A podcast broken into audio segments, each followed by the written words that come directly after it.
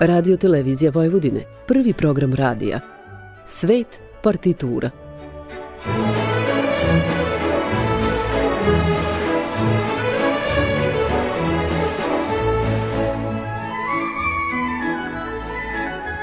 Urednik i voditelj Bogdan Đorđević.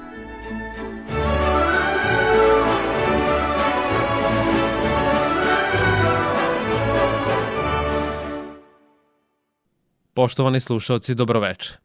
Na početku emisije slušat ćete rondo u D-duru Wolfganga Amadeusa Mozarta iz 1786. U vreme nastanka ove kompozicije Mozart je prolazio kroz težak period zbog nagomilanih finansijskih dugova i lošeg zdravstvenog stanja.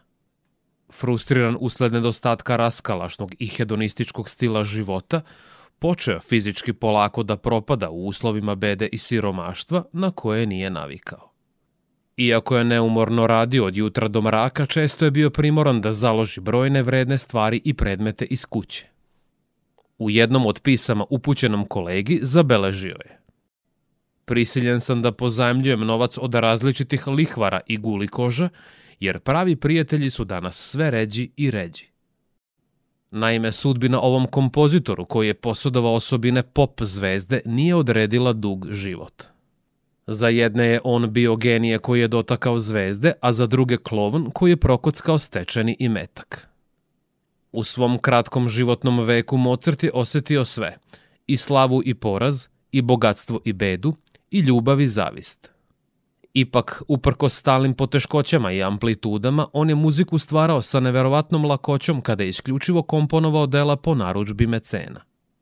Stoga i ovaj rondo koji ćete sada imati priliku da čujete predstavlja delo razigranog izlaganja glavne teme, odnosno klavirski komad čistog zvuka i pronicljivog sadržaja s majstorskim osjećajem i smislom za improvizaciju. Pred vama je pijanista Vladimir Horovic.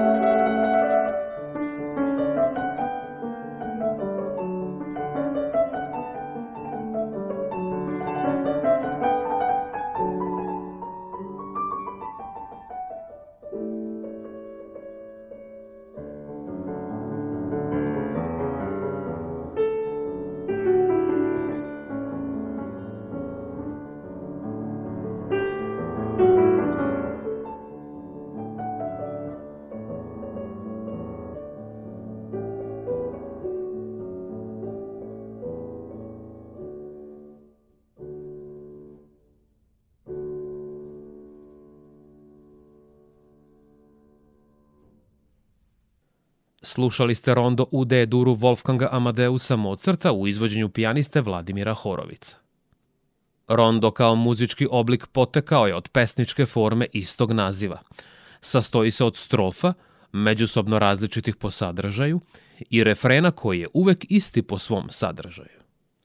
U srednjovekovnoj i renesansnoj francuskoj muzici rondo prepoznajemo kao jednoglasni ili višeglasni vokalni muzički oblik. Vi ste na talasima prvog programa radija Radio Televizije Vojvodine.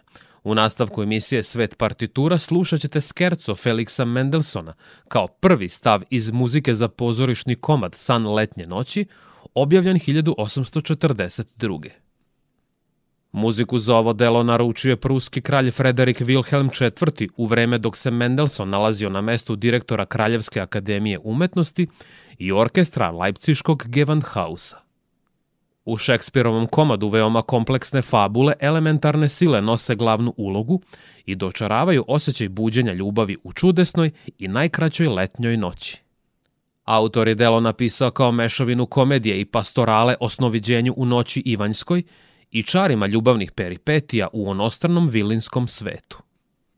Taj svet je predstavljen publici u ulozi katalizatora celokupnog procesa dramske fantazije u kojoj san ima simboličko značenje jer pomaže likovima u donošenju važnih životnih odluka.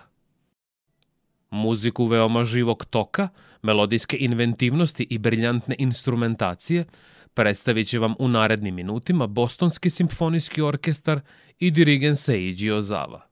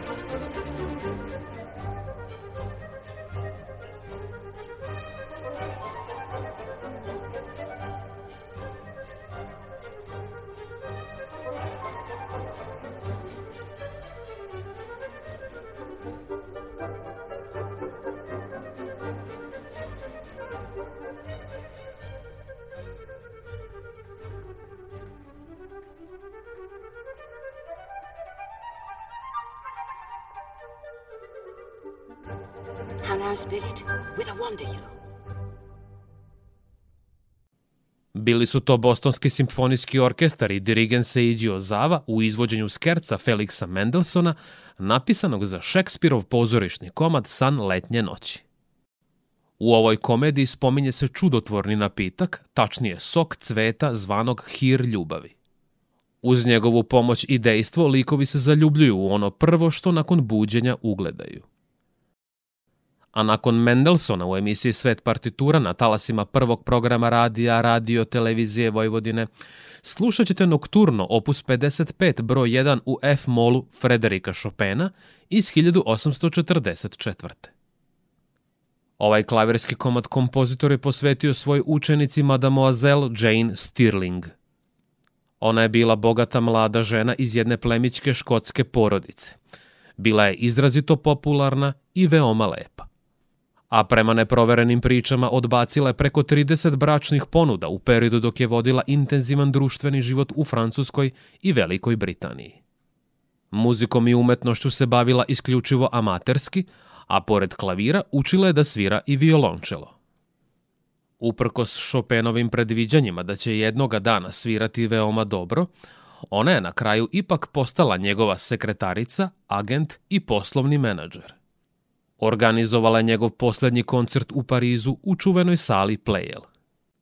Pred izlazak na scenu na kojoj je trebalo da odsvira još i barkarolu, Chopin se zbog fizičke iscrpljenosti srušio u njeno naručje dok su stajali jedno sprem drugog u garderobi. A sada ćete poslušati poljskog pijanistu Adama Harasijevića u izvođenju Chopinovog nokturna opus 55 broj 1 u F-molu.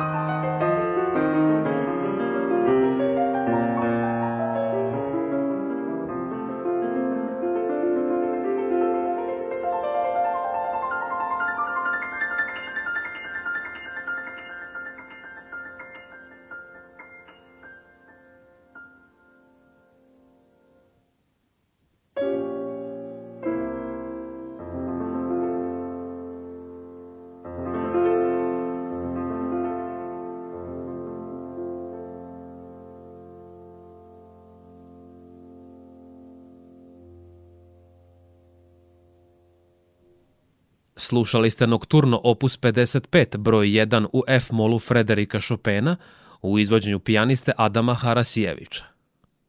Iako nije želeo da putuje, Chopin je ipak pristao da održi seriju koncerata u Engleskoj. Preko gospođice Stirling upoznao se sa kremom britanskog društva kada je svirao pred kraljicom Viktorijom i princom Albertom. Nakon nastupa u Edimburgu, Glazgovu i Manchesteru, zdravlje mu se dodatno pogoršalo. Vi pratite prvi program radija Radio Televizije Vojvodine. U nastavku emisije Svet partitura slušat ćete valcer kao drugi stav iz Serenade za gudački orkestar opus 22 u E-duru Antonjina Dvoržaka, premijerno izvedene 1876. U ovom delu kompozitor je ostvario odlučujući napredak u evoluciji svog umetničkog razvoja kada se kretao ka većoj suverenosti i samostalnosti. U ukupnoj misalnoj koncepciji i tematskom radu Dvoržak je demonstrirao svoj veoma interesantan i neobičan dar. Kao nagradu za to, uticeni ljudi su mu prokročili put ka društvu velikana. Umetnička vrednost ovog dela ni na koji način se nije mogla poreći zbog jasno konstruisane trodelne pesničke forme i izlaganje čvrste tematske građe. Muzika ove serenade teče lagano pre svega zbog sve prisutnog i ugodnog osjećaja neposrednosti. Njen karakter je posve galantan jer podsjeća na 18. vek, kada su u veličanstvenim zdanjima aristokrate nosile čuvene perike, čipkane manžetne i bele do kolenice. Kao što prenošenje dobrih vesti ima pozitivan efekat na glasnika, izvođenje ovog valcera predstavlja terapeutski poduhvat i za izvođače. U narednim minutima slušat ćete njujorški kamerni orkestar Orfeus.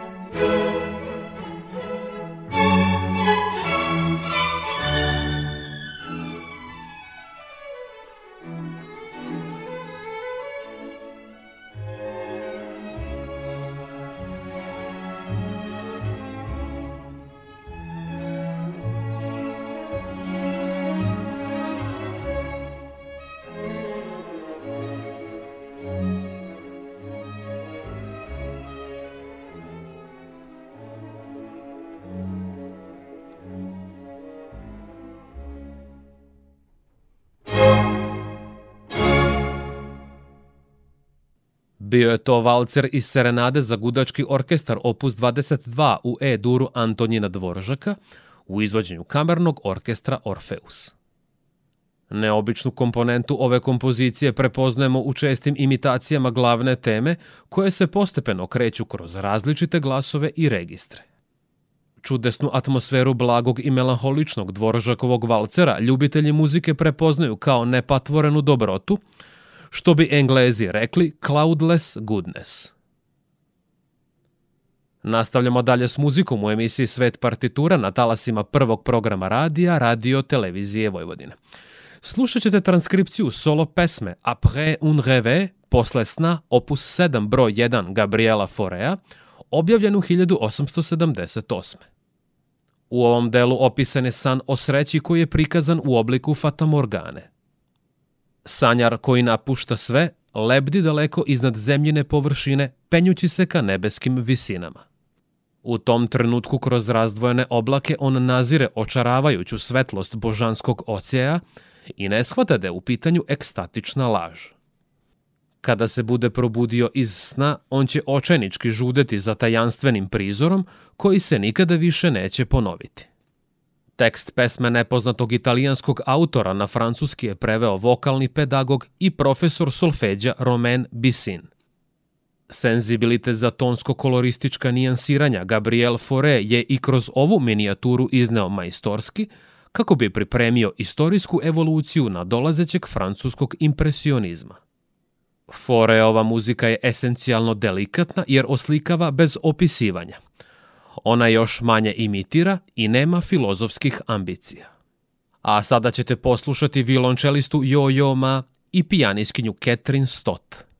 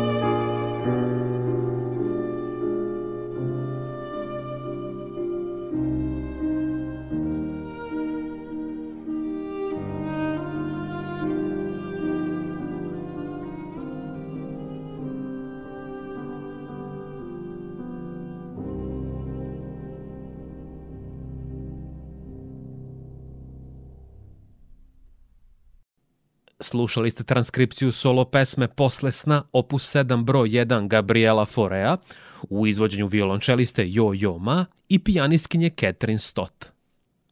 Ovom francuskom kompozitoru, orguljašu, dirigentu, crkvenom horovođi i pedagogu iz perioda poznog romantizma, učitelj je bio slavni Camille Saint-Saëns.